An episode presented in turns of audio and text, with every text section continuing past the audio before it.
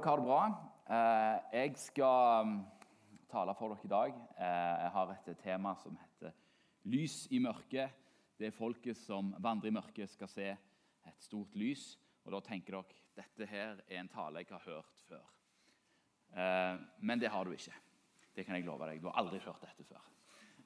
Så jeg, jeg gleder meg til å gi dere noe som er nytt, forhåpentligvis. Jeg har mål om å sette en, en ny eller en gammel tekst inn i en ny kontekst for dere. Eh, og så forhåpentligvis eh, blir, eh, blir noe nytt og friskt for dere. Det er mitt mål. Det er adventstid, og fram mot jul så er det alltid noen sånne bibelvers som går igjen i kirker og bedehus, eh, og som de som har gått en del på gudstjeneste før, har et forhold til. Er bibelvers som eh, blir en del av tradisjonen vår. Og det som er greia med bibelvers som blir en del av tradisjonen, er at de ofte har lett for å drukne i tradisjonen.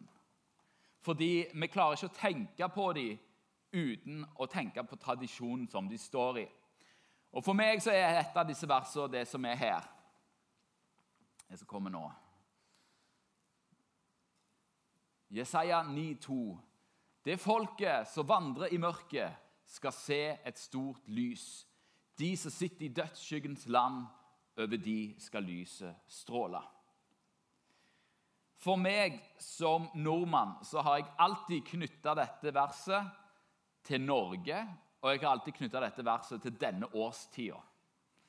Det er mørkt og kaldt ute. Dødsskyggens land, ja, det er jo her. Sant? Bare sol i eh, seks timer, og så er det mørkt og kaldt. Um, og så er det, Fordi det er advent, og sånne ting, så har jeg alltid knytta dette verset til, til, til hyrdene på marka som plutselig ser en himmelsk hærskare. Jeg ser for meg litt sånn som dette her. Ta neste slide. Dette er liksom det bildet jeg ser når jeg hører dette verset. Dette her er trauste arbeidere som strever gjennom natten, og så får de plutselig se et stort lys. Eh, og da, det, Å forstå det i den konteksten har jo en viss appell.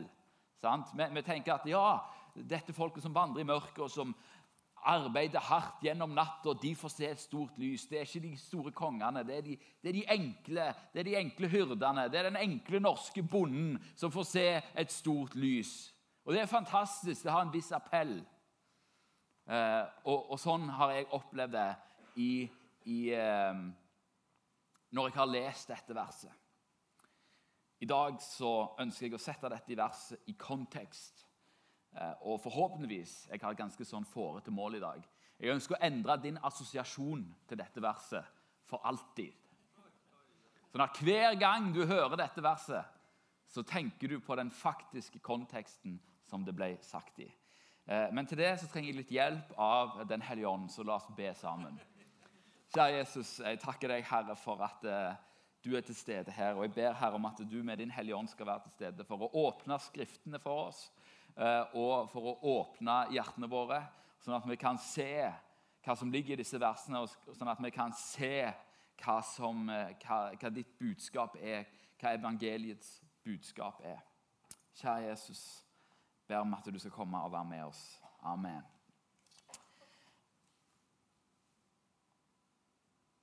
Jeg skal ta dere med på eh, en reise tilbake i tid, ikke bare 2000 år, men 2700 år. Skal til 700 år før Kristus.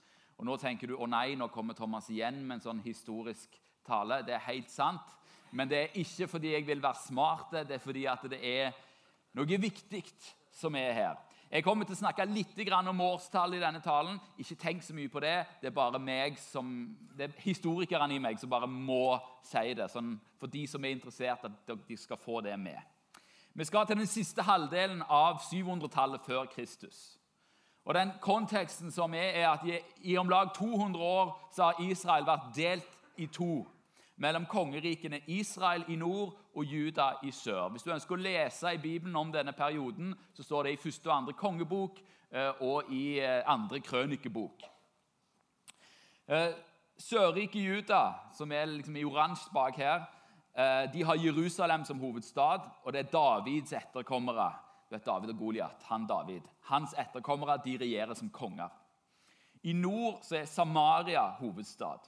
Eh, og De er preget av en sånn rekke skiftende dynastier, og det er stort sett politisk og religiøs uro gjennom hele perioden.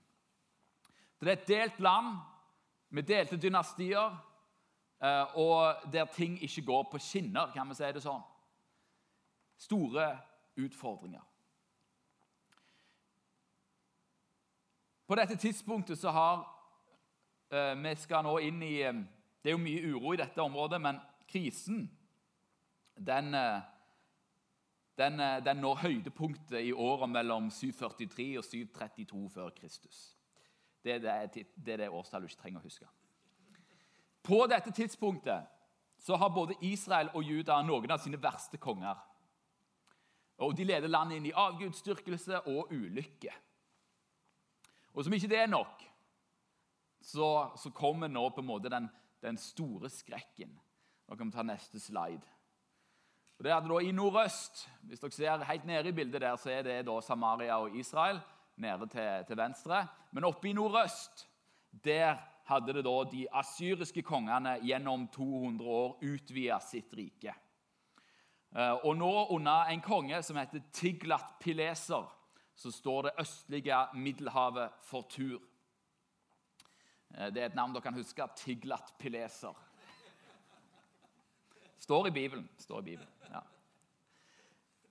Han lanserer en rekke invasjoner mot det østlige middelhavsområdet. Og, og Han begynner da med områdene som ligger nord for Israel. Eh, og Etter en rekke sånne invasjoner så bringer han de hetittiske og arameiske kongedømmene som ligger nord for Israel, under asyrisk kontroll. Det er under et av disse felttogene at vi kan lese i 2. kongebok 15, vers 18-19, at eh, en av Israels konger, som heter Menachem, han betaler 1000 talenter sølv i tributt til Tiglat Pileser for at han skal støtte og trygge Menachems kongedømme. Hva betyr det at du betaler tributt? Jo, da betyr det at jeg anerkjenner at du er eh, en høyere konge enn det jeg er. Og jeg trenger din hjelp for å være trygg. Tenk på det litt som USA og Nato. Eh, bare at det eh, har litt mer å si. Men dette hjelper ikke Israel så mye. I eh, år 734 før Kristus så lanserer han her Piglat, eh, Tiglat Pileser. Han lanserer da sitt femte felttog. Og Dette fører han da helt fram til grensa til Egypt. Så hvis vi da kan ta neste bilde, så er det, er det da sånn at de fleste landene som ligger mot sør her, de skjønner litt grann hvor landet ligger. Filistrene de gir opp, de betaler tributt. Juda, som det er under kong Akas, en av de verste kongene i Juda, han òg bare gir, gir, opp og sier vi betaler. Edomittene, som ligger sør for Israel, betaler. Moabittene og ammonittene, som ligger øst for Israel, betaler. Uh, alle går med på å betale skatt til, Syria, til, uh, til Asyria. Og med de landene mot sør, som da er pasifisert, så bruker Tiglat Pileser de neste to åra på å knuse det sterkeste riket som står imot ham, som da er helt oppe i nordøst der, som heter Aram Damaskus. Problemet for Israel er at de er alliert med Damaskus. Og Som en konsekvens av erobringen av Damaskus så lider òg Israel nederlag. Og Det som blir konsekvensen, er at Nordriket Israel, det som er grønt der, det er ikke nok med at Israel som helhet har blitt delt i to, men nå blir Nordriket òg delt i to. I andre kongebok 1529 kan dere ta neste, så kan vi lese dette. I Israel, Israels konge Pekas dager så kom kongen i Asyria til glatt Pileser og tok Ion og Abel Betmaaka og Janua og Kedesh og Hasor og Gilead og Galilea, hele Naftalis land. Og han bortførte innbyggerne til Asyria. Katastrofen har nå nådd Israel. De har mista halve landområdet. Og Galilea, som er den nordlige delen av dette landområdet rundt, rundt uh, Genesaretsjøen, det har da blitt en asyrisk provins. Og innbyggerne der har blitt bortført. Det er et signal om det som skal komme. Det er et tegn i tida. Senere skal hele Samaria bli bortført. Juda skal òg bli bortført. Dette er på en måte første, det første tegnet på det som skal komme, som er bare tragedie på tragedie. I tillegg så er det jo ikke sånn at asyrerne er kjent for å være veldig gode. Snarere tvert imot så var de kjent for sin brutalitet. Det er de første som bruker folkeforflytning bevisst for å holde kontroll på riket. Vi har et annet ord for folkeforflytning i dag. Det kalles for etnisk rensing. Det er det de gjør. De river folk opp fra sine landområder. Og så flytter de befolkninga rundt for, at, for å unngå opprør. En av de verste av syriske kongene, som er en av forgjengerne til Tiglat beleser, han heter Asurnasipal. Og Han, eh, han skrøyter både i, i tekst Vi kan lese hva han gjør med opprørere. Og Han sitter og skrøyter av at han har lemlesta folk og brent ned byene deres. Den dag i dag så, så kan du se det, det, det er rissa inn i stein med bilder der man viser avkappa ting. Det er den brutaliteten som asyrerkongene skrøt av. Og nå har dette folket tatt halvparten av Israel. Har tatt hele Galilea og bortført innbyggerne. Og så har de satt andre folk som har blitt erobra, og satt i dette området. Katastrofen er total. Og en der som står da midt oppi dette, og som ser det, det er Han er vitne til denne forferdelsen. Det er profeten Jesaja. Jesaja han bodde i Jerusalem, så, så han jo ikke, erfarte jo ikke dette direkte. Men det var jo naboene til nord, i nord. Det er ikke så langt fra Galilea til Jerusalem. For hans samtidige så smakte ikke ordet Galilea godt. Galilea, det betyr nederlag. Galilea, det betyr mørke, lidelse, fortvilelse. For Jesaja er Galilea et varsel om konsekvensen av synd. Det er et vitne om alt som er galt i Israel og Juda. Å ha vært vitne til dette her må ha vært forferdelig. Man må, han må ha følt seg hjelpeløse og maktesløse. Både mot synden som regjerer i Israel, men òg mot den store overmakten som kommer som en flom.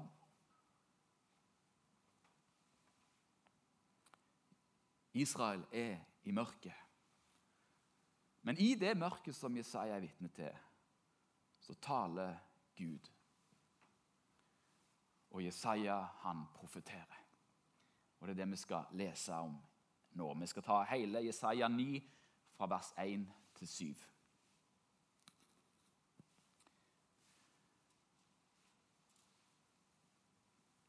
Jesaja ser mot Galilea, og så profeterer han. Men det skal ikke alltid være mørke i det landet hvor det nå er trengsel. Tidligere førte Herren vanære over Sebulons land og over Naftalis land. Men i framtiden skal han føre ære over det. Over veien ved havet, landet på den andre siden av Jordan, hedningenes Galilea. For det var det det var blitt. Hedningenes Galilea. Det folket som vandrer i mørket, skal se et stort lys. De som sitter i dødsskyggens land, over dem skal lyset stråle. Det folket som du før ikke ga stor glede, lar du bli tallrikt. De gleder seg for ditt åsyn, slik en gleder seg om høsten. Slik en jubler når de deler hærfang. For åket som tynget det, stokken på dets skulder, driverens stav, Det altså, det, dette handler jo om fangenskap og, og slaveri. Det har du brutt i stykker, som på Midians dag. For hver krigssko som har båret i slagtommelen, og hvert klesplagg som har tilsølt med blod, skal brennes opp og bli til føde for ilden. Altså krigssko og, og, og um, Gå tilbake. Krigssko og um, klesplagg som har blod, det, dette er krigsklær. De skal brennes opp, altså. Det skal ikke være krig. Det skal være fred. Og hvorfor det? Da kan vi ta neste. For et barn er oss født. En sønn er oss gitt. Herredømmet er på hans skulder, og han skal få navnet Under, Rådgiver, Veldig Gud, Evig Far, Fredsfyrste. Så skal herredømmet bli stort og freden uten ende over Davids trone og over hans kongerike. Det skal bli gjort fast og holdt oppe ved rett og rettferdighet fra nå av og til evig tid. Herrens, herskarenes Guds nidkjærhet skal gjøre dette. Og alt folket sa amen. I Israels dypeste mørke og fortvilelse så profeterer Jesaja om en dag da Galilea skal bli kjent for noe helt annet. Han profeterer om at det skal komme et lys til Galilea. I denne mørke fortvilelsen så ser Jesaja Jesus Kristus, lyset som skal komme. Hvorfor det? Jo, Gud ville vise Jesaja at mørket, fortvilelsen, skulle ikke ha det siste ordet i Galilea. Lyset har det siste ordet. Kristus har det siste ordet. Det er ikke mørket, fortvilelsen og skammen som har det siste ordet. Nei, det skal komme et lys. Og I Matteus 4, 12-16 så, så siterer Matteus dette. Da Jesus fikk høre at Johannes var blitt kastet i fengsel, dro han bort til Galilea. Han forlot Nasaret og bosatte seg i Kapernaum, som ligger ved Galileasjøen, i Sebulons og Naftalis landområder for at det skulle bli oppfylt, som er talt ved profeten Jesaja. Sebulons og Naftalis land ved veien mot sjøen, landet på den andre siden av Jordan, hedningenes Galilea. Det folket som satt i mørket, har sett et stort lys. Og for dem som satt i dødens land og skygge, for dem er et lys opprundet. Han siterer dette, for han sier at det, som Jesaja profeterte om, nå skjer det.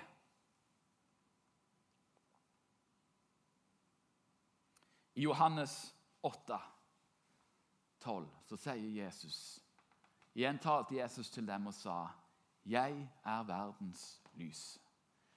'Den som følger meg, skal ikke vandre i mørket, men ha livets lys.' Jesus er lyset. I dag så er Galilea kjent for noe annet enn krig, bortførelser, elendighet, fortvilelse og maktesløshet. Galilea er kjent for den plassen der lyset kom. Galilea er kjent for å ha fostra de tolv disiplene av Jesus. Alle de tolv apostlene kom fra Galilea. Vi sitter her i denne salen, i denne kirka, i denne menigheten pga. galileere. For oss er Galilea et stort lys. Det var det ikke for Jesaja. For han var det et stort mørke. Men så gjør Gud det, og så sier Gud til Jesaja at vet du hva, Jesaja, det er jeg som har det siste ordet. Verden får ikke definere hva Galilea skal være. Jeg definerer hva Galilea skal være. Og selv om det for deg, Jesaja, er, er tegnet på mørke og elendighet, så skal jeg snu opp ned på det. Så skal jeg gjøre det til tegn på lys og fred for hele verden. Jeg vet ikke hvor du er denne morgenen. Hvis vi ser ut i vår verden akkurat nå, så ser vi at det er krig og elendighet ikke så langt vekke fra oss. Og Så ser vi på økonomien og den økonomiske situasjonen. og Så kan, så kan det òg se vanskelig ut pga. høye matpriser og strømpriser. Kanskje har du konflikt i din egen familie. Det er mørke i familien. For det er mye mørke der ute. Og kanskje er det òg mørkt inni deg. Enten det er sorg eller savn, eller depresjon, eller problemer som du ikke ser løsningen på. Så vil jeg bare si at mørket har ikke siste ordet. Mørket har ikke siste ordet. Det kan være, hvis du går tilbake til, til der jeg til en sønn er hos gitt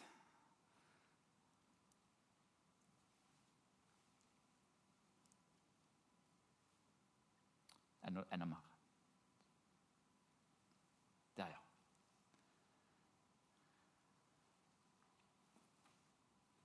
Kanskje sitter du og trenger et mirakel i ditt liv. Vel, Jesus sitt navn er under. Kanskje vet ikke du hva du skal gjøre i den situasjonen du er i. Du trenger et råd. Du trenger visdom. Ja, Jesus er rådgiver. Kanskje er du maktesløse mot situasjonen som du sitter i. Ja vel, Jesus sitt navn er veldig Gud. Kanskje trenger du å bli sitt der du er. Ja, Jesus er evig far. Kanskje er det bare krig og konflikt rundt deg. Men Jesus er fredsfyrste. Det er ditt mørke, ditt mørke som du kjenner på, det er ikke det siste ordet. Nei, det finnes et lys. Kristus har det siste ordet. Herreveldet er på hans skulder. Du skal slippe å vandre i mørket. Du skal få lov til å leve i lyset. Jesus står og banker på her denne morgenen. Jesus er her denne morgenen. Hvorfor er han her? Jo, han er her fordi han ønsker å være lys i ditt liv. Jeg vet ikke hva mørket du sitter i. Ikke sikkert alle her sitter i mørket engang. Jeg håper ikke det. Men for de av dere som gjør det, så fins det et lys denne morgenen. Så fins det et lys. Det lyset er Jesus. Han er i stand til å snu opp ned på alle situasjoner.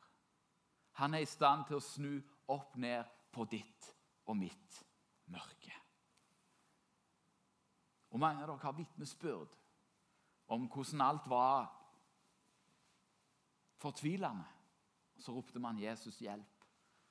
Og så kom Jesus og hjalp. Fordi det vi tror på, er ikke en fin fortelling. Det er en realitet. Dere har lov til å si amen. Ja. Dere har lov til å si halleluja òg. For det er dette som er evangeliet. Det er dette som vi feirer. Det er dette vi skal inn i og feire. At mørket har ikke siste ordet, folkens. Mørket som du opplever, og som er i verden, ja, det kommer til å kommer til å forsvinne. Men det er én ting som ikke kommer til å forsvinne. Og det er Jesu Kristi lys. Jesus Kristus er fra evighet til evighet. og Han er i går og i dag til evig tid den samme. og Han er her for å lyse opp din tilværelse. Han er her for å gi deg det du trenger. Du er skapt for å være i hans nærvær. Men han kan ikke tvinge seg inn. Men du kan åpne døra. Skal vi ta Får jeg eh, Keilin eh, til å komme opp og spille litt? Så skal vi ta et øyeblikk her nå. Er det greit, Keilin?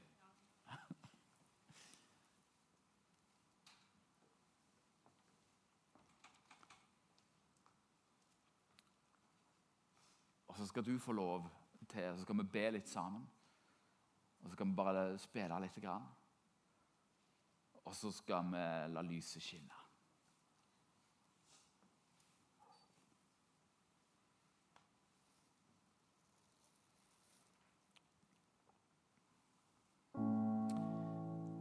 Alle sammen lukker sine øyne,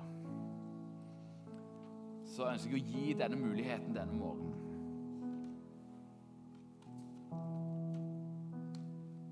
En måte vi kan åpne opp på, er å, løfte våre hender.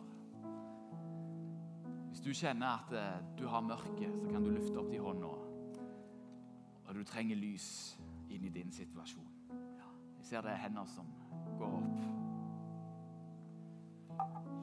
Så skal vi be sammen. Kjære Jesus, du som er lys i mørket. Du som ikke overlater oss til mørke, fortvilelse og angst og depresjon og krig og elendighet. Herre, kom nå, Herre, med ditt lys. Kom nå, Herre, med ditt liv. Kom nå, Herre, med din ild. Kom nå, Herre, med din fred. Kom med din visdom. Kom med råd, ditt råd, Herre. Vis Jesus at du er mektig Gud. Det er ikke fortapt. Vi er ikke fortapt. Det fins et lys. Det fins et lys denne desembermorgenen. Det finnes et lys som alltid er til stede, sjøl når alt ser ut til å være helt på tverke. Og hvordan kan dette ordne seg? Vel, du kan ordne. Og i krig og i elendighet så kan du snu opp ned på ting. Og så kan vi ha fred midt i trengsel. Ja, du dekker bord for oss rett for våre fienders øyne, Jesus. Herre, du gjør det. Du gjør det igjen. Og Jeg bare ber her om at eh, alle som opplever mørket på en eller annen form, at de skal merke at du er der. Du er der. Du er der med ditt lys. Med ditt lys. Med ditt liv. Med din trøst. Fordi du har siste ordet. Herre, vi har så lett for å se på ting rundt oss. Så blir vi overvelda, som et Asyria som kommer mot oss.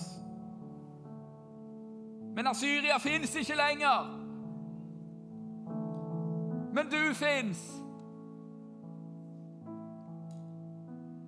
Og akkurat som Asyria ikke er en trussel lenger, så skal òg disse tidene forsvinne.